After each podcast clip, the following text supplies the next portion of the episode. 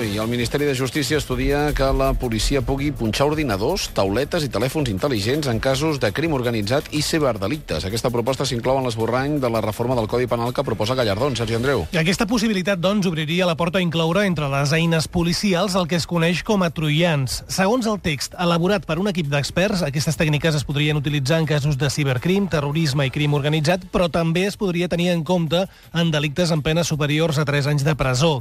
Això ja ha generat debat entre advocats i experts, especialment per dirimir on s'han de posar els límits. Alemanya és l'únic país d'Europa on es preveuen aquestes tècniques, però únicament en casos de terrorisme. Xavier Ribas, advocat especialitzat en tecnologia de la informació. Molt bon dia. Hola, bon dia. Estem a les portes d'una possible situació d'abús? No del tot, perquè l'article que regula l'ús d'aquest software, d'aquests troians, eh, preveu també una sèrie de garanties. Té que haver-hi una proporcionalitat i té que haver-hi sempre un control judicial. El que sí que pot passar és que quan eh, s'estigui investigant un ordinador eh, s'accedeixi a informació que no sigui justament la que es volia investigar i fins i tot es podria arribar a capturar informació que pertany a altres usuaris del mateix ordinador, no? perquè a vegades pot ser un ordinador domèstic, familiar, que el pot fer servir diversos membres de la família, i aquí sí que podríem estar parlant d'abusos. El propietari d'aquests gadgets, els PCs, les tablets o els smartphones, haurien de ser informats en cas de que siguin investigats o no? En principi, la clau és que no siguin informats, perquè com és natural, quan una persona té coneixement de que està sent investigada, doncs eh, pot esborrar aquesta informació. O sigui que la clau de- d'aquest tipus de, de mesures eh, extraordinàries són sempre que es faci sense coneixement de, de la persona investigada. Eh, De quin tipus de delictes eh, hi entrarien, per, eh, o de presumptes de delictes, per, per intentar activar aquests protocols?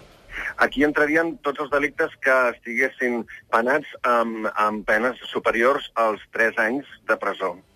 Uh -huh. Per I tant, això doncs què entrarien inclouria? aquí no sols eh, els delictes greus com el terrorisme o la pornografia infantil, sinó també altres delictes menys greus com la propietat intel·lectual, la propietat industrial, doncs temes de- d'estafa, temes de, de blanqueig de diner, etc. És a dir, que si algú tingués la percepció de que algú amb el seu telèfon o amb el seu ordinador està descarregant-se pel·lícules o baixant-se música, podria ser investigat. Sí, sí, sí. I això també obre un problema greu amb tot el que és les xarxes wifi. Pensem que els routers que tenim a casa nostra, els routers ADSL, són molt fàcils de, de comprometre, no? de, de, de violar.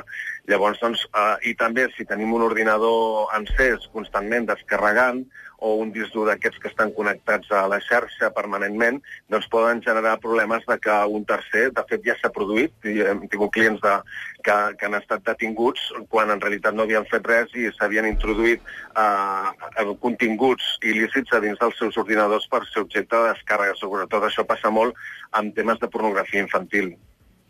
Veurem què passa i a qui afecta. Uh, senyor Ribas, moltíssimes gràcies per, uh, per dir-nos-ho. En qualsevol cas estaríem parlant de que es podria investigar en cas de que hi hagués la sospita de que algú amb el seu ordinador s'està baixant música o pel·lícules, amb penes de possibles 3 anys de presó. És això, eh? Exacte. Gràcies, senyor Ribas.